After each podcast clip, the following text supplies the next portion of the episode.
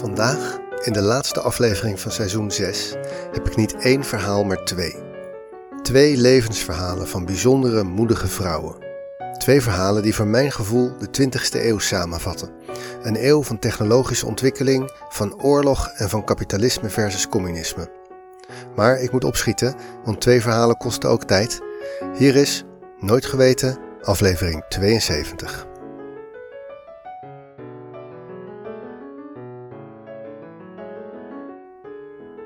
Moskou, 1921. Anna en Vladimir Litviak krijgen hun eerste kind, een meisje. Anna en Vladimir zijn een jong stel. De revolutie is geslaagd, de burgeroorlog voorbij en de twee zijn naar de grote stad getrokken om het arbeidersparadijs mee te helpen opbouwen. Ze noemen haar Lydia. Ze groeit op in de eerste decennia van de Sovjet-Unie. Alles moest anders worden. De oude structuren moesten omvergegooid en voor iedereen van goede wil was er een plek in de nieuwe maatschappij. Vrouwen en mannen. Lydia, die meestal Lili werd genoemd, groeide op als een echt Sovjetkind. Haar vader maakte carrière binnen de partij en werkte voor de spoorwegen, voor het Volkscommissariaat Transport. Lili werd natuurlijk lid van de Jonge Pioniers en later van de Jeugdbond Komsomol. Op haar veertiende, in 1935, werd ze lid van een vliegclub. Een vliegclub. Dat klinkt voor ons nogal elitair, maar dat was het niet. In de jaren 20 en 30 had je in de Sovjet-Unie overal vliegclubs. En als je een beetje vertrouwd werd, kon je daar gewoon lid van worden.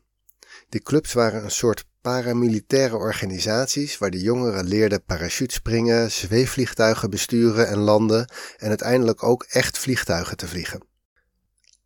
En toen ging het mis. In 1937, tijdens de grote zuivering door Stalin, werd Lili's vader aangewezen als vijand van het volk. Het is onduidelijk waarom, waarschijnlijk gewoon pech. Hij verdween spoorloos. Lily, 16 was ze toen, bleef altijd in de onschuld van haar vader geloven en besloot dat ze, om zijn naam te kunnen zuiveren, maar het beste hard haar best kon doen om carrière te maken als vlieger. Ze werd vlieginstructeur en rond haar twintigste had ze al 45 vliegeniers opgeleid bij haar vliegclub. En toen, in de zomer van 1941, brak de oorlog uit. De Duitsers vielen plotseling de Sovjet-Unie aan, codenaam Barbarossa, en in eerste instantie werd het Rode Leger volkomen onder de voet gelopen en vielen er enorme hoeveelheden slachtoffers. Maar de Sovjets herpakten zich. Grote hoeveelheden reservisten konden worden opgeroepen en veel vrijwilligers meldden zich spontaan om die Duitse verraders mores te leren. Zo ook Lily. Net als veel andere leden van de vliegclubs meldde ze zich bij de luchtmacht. Daarbij overdreef ze een beetje over het aantal vlieguren dat ze al had en ze werd toegelaten. Nu bleek hoe gelijk mannen en vrouwen in de Sovjet-Unie werkelijk waren.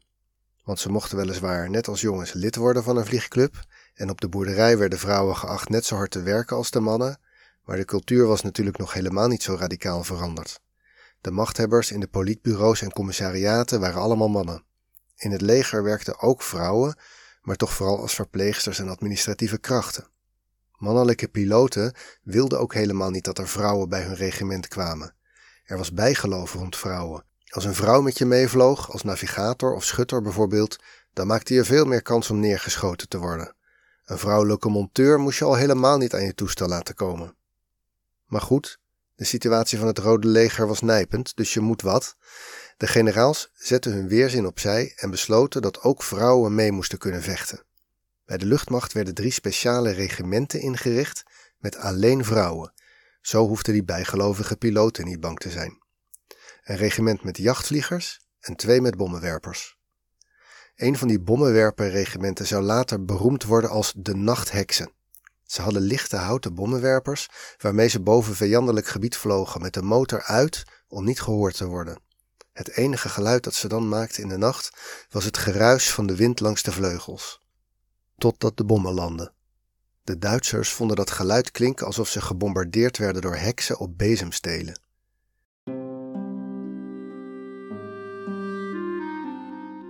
Maar dat was niets voor Lily.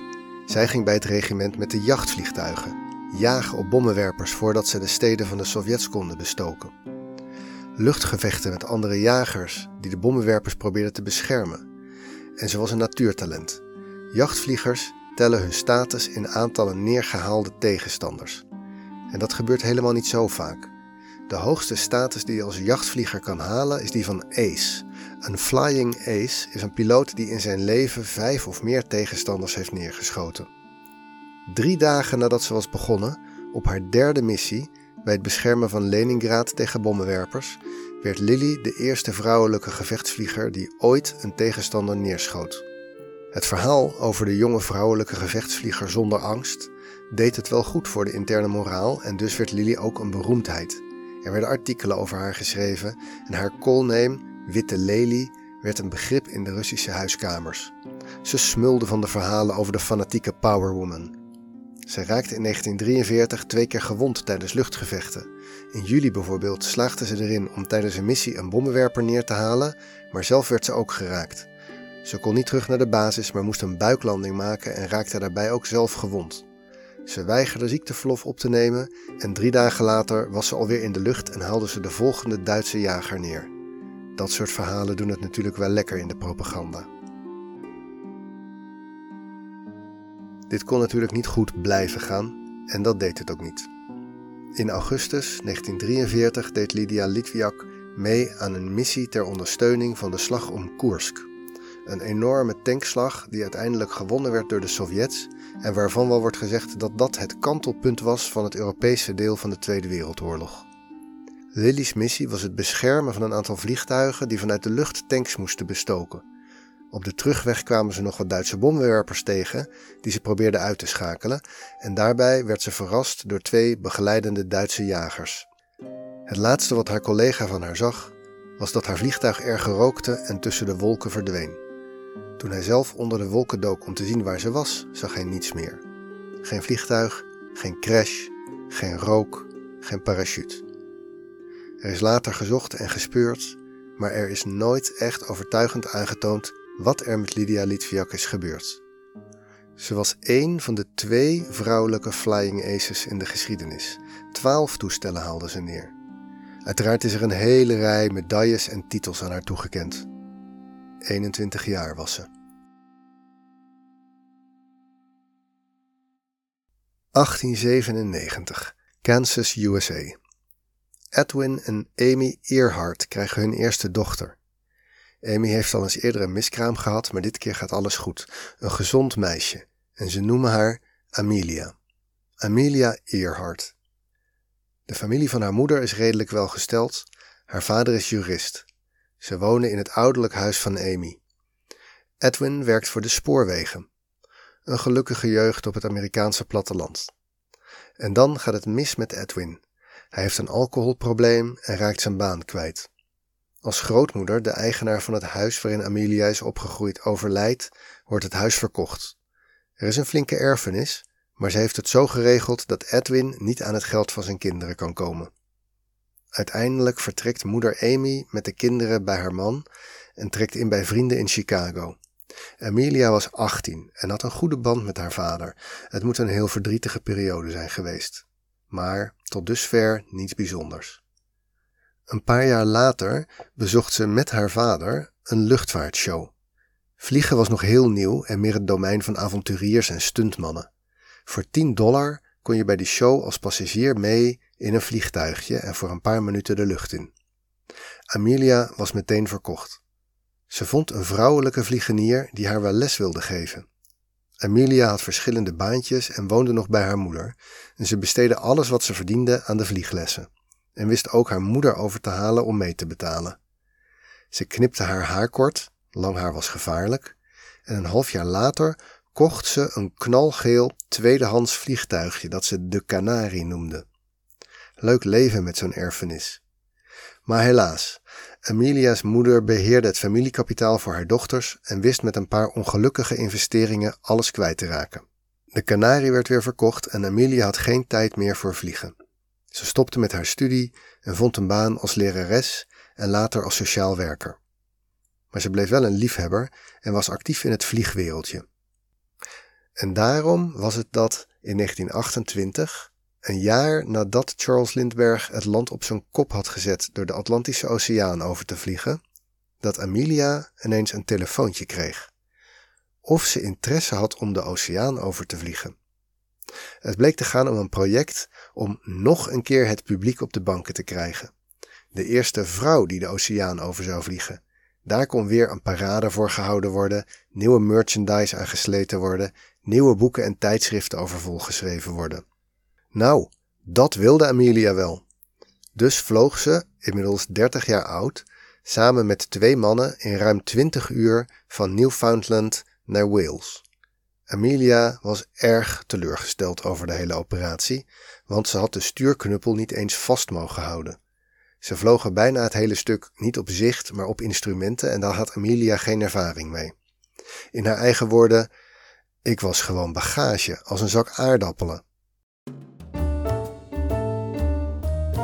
Maar het publiek maakte dat niets uit. Bij terugkomst in Amerika kregen ze een ticker tape parade in Manhattan en een ontvangst door de president in het Witte Huis. De pers smulde ervan en Amelia werd gepresenteerd als de vrouwelijke Lindbergh, Lady Lindy. Ze werd een instant celebrity, verdiende geld met een lezingentour, reclames voor reistassen, sportkleding. Ze kreeg een eigen kledinglijn en maakte een grote klapper door reclame te maken voor de sigaretten van Lucky Strike. Ze werd financieel onafhankelijk. Niet door haar harde werken en het bij elkaar sparen van haar vliegbrevet, niet door de erfenis van grootmoeder, die met veel moeite uit handen van haar vader was gehouden, maar door geanceneerde beroemdheid en commerciële deals rond een gebeurtenis waar ze zelf helemaal niet trots op was. Als een zak aardappelen. Maar Amelia was wel zo slim om die onzinnige beroemdheid in te zetten voor wat ze zelf graag deed. Ze werd uiteindelijk alsnog de eerste vrouw die zelf de Atlantische Oceaan overstak. Solo. Ze werd de eerste mens die solo de oversteek van de Amerikaanse westkust naar Hawaii wist te maken. En uiteraard werd ze alleen maar beroemder. Tot ze in 1937, bijna 40 jaar oud, begon aan een tocht rond de wereld. Ze zou de eerste vrouw worden die rond de wereld vloog. Zij zou vliegen en ze had Fred Noonan bij zich als navigator. Het vliegplan had 33 etappes en ging van Florida via Suriname en Brazilië naar Afrika, dat dwars werd overgestoken, en dan via India en Nederlands-Indië naar Australië, en dan via Nieuw-Guinea naar Hawaii en dan terug naar de Verenigde Staten. En tot Nieuw-Guinea was alles goed gegaan. Nog een paar etappes naar huis, maar wel grote sprongen. Eerst van Nieuw-Guinea naar Howland Island een onbewoonde klomp koraal ergens halverwege naar Hawaii. Daar zou een schip van de Amerikaanse kustwacht liggen met verse brandstof, maar ook als radiobaken om het eiland beter te kunnen vinden. En vandaar zou dan de sprong naar Hawaii gemaakt worden. Er zijn vele theorieën over wat er is misgegaan en sommige zijn heel ver gezocht, maar hoe dan ook, Amelia kwam nooit aan op Howland. Er was wel radiocontact en ze moet vrij dicht in de buurt zijn gekomen, Misschien heeft ze het eiland niet kunnen vinden en is er voorbij gevlogen. Misschien raakte gewoon de kerosine eerder op dan verwacht. Amelia Earhart is nooit meer gezien. Het vliegtuig en Fred Noonan evenmin. 41 jaar oud was ze bij verdwijnen. Twee bijzondere vrouwen, een Russische en een Amerikaanse. Allebei in eigen land nog steeds bekend en geëerd als luchtvaartheldinnen allebei een vader werkzaam bij de spoorwegen, die ze in hun tienerjaren kwijtraakten. Allebei onafhankelijk en avontuurlijk, allebei gek van vliegen. Allebei gestorven in het harnas en verdwenen. Zowel in Rusland als in Amerika gaan nog steeds complottheorieën rond. Dat Lydia misschien krijgsgevangene was geweest en later in Duitsland of Zwitserland woonde. Dat Amelia misschien door de Japanners gevangen genomen was of nog lang en gelukkig had geleefd op een tropisch eiland. Wat ik wel interessant vind, is dat het kennelijk in beide landen in de begintijd van de luchtvaart mogelijk was om als jonge vrouw te gaan vliegen. Niet als hobby van een verwende dochter van een stinkend rijke oliemagnaat of van een machtige partijbons, maar door gewone jonge vrouwen die bereid waren daar veel voor te laten. Via een paramilitaire vliegclub. Of door al het geld van je baantjes als stenograaf en vrachtwagenchauffeur opzij te zetten voor vlieglessen. En dat er dus in die beide landen, in die beide culturen, uiteindelijk een grens was aan wat je mocht doen, maar dat je die grens heel soms kon doorbreken. In de Verenigde Staten door roem, door celebrity, doordat Amelia een merk werd waar je geld mee kon verdienen. In Rusland door de oorlog, een oorlog die ongeveer 11 miljoen Sovjet-militairen het leven zou kosten. Onder die omstandigheden, met het water aan de lippen, was het misschien toch beter om niet de helft van je bevolking uit te sluiten van bepaalde taken. Want sommige vrouwen zijn daar dus wel degelijk heel goed in, in Duitse jachtvliegtuigen uit de lucht schieten.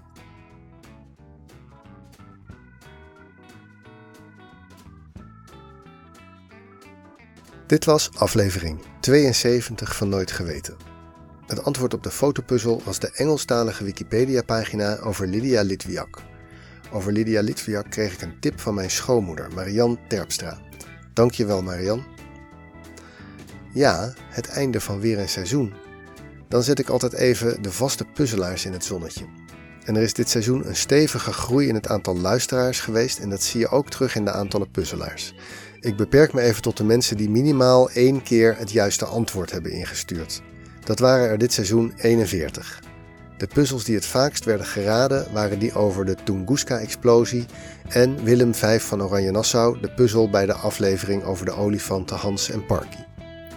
Dan zijn er natuurlijk een heel aantal deelnemers die twee of drie keer succes hadden, maar de topplekken gaan naar de volgende spelers: Danny, Jan, Bob, Niske, Michiel en Jos. En dan tot slot op de top van de rots, ex equo met allebei alle 12 puzzels opgelost, José en Marieke. Jullie mogen allemaal heel trots zijn, echt heel knap. Ik ga weer even een pauze nemen, maar ik heb me voorgenomen om het dit keer iets anders te doen. Ik kom al eerder weer terug, maar dan ga ik een tijd lang niet elke week een aflevering maken, maar elke twee weken. En dan kijken hoe lang ik dat volhoud. We gaan het zien. Voor het afgelopen seizoen rest mij dank uit te spreken aan alle mensen die Wikipedia bijhouden, de belangrijkste basis onder deze podcast. Ook veel dank aan de componisten en producenten van de gebruikte muziek, allemaal gratis ter beschikking gesteld, rechtenvrij materiaal. Ook heel erg veel dank aan de mensen die mij vriendelijk en onvriendelijke berichtjes sturen met tips en opmerkingen. Blijf dat alsjeblieft doen. En tot slot een welgemeend bedankt aan jullie allemaal voor het downloaden, het puzzelen, het luisteren. Dit was weer een seizoen van Nooit Geweten. Over een paar weken kom ik bij je terug.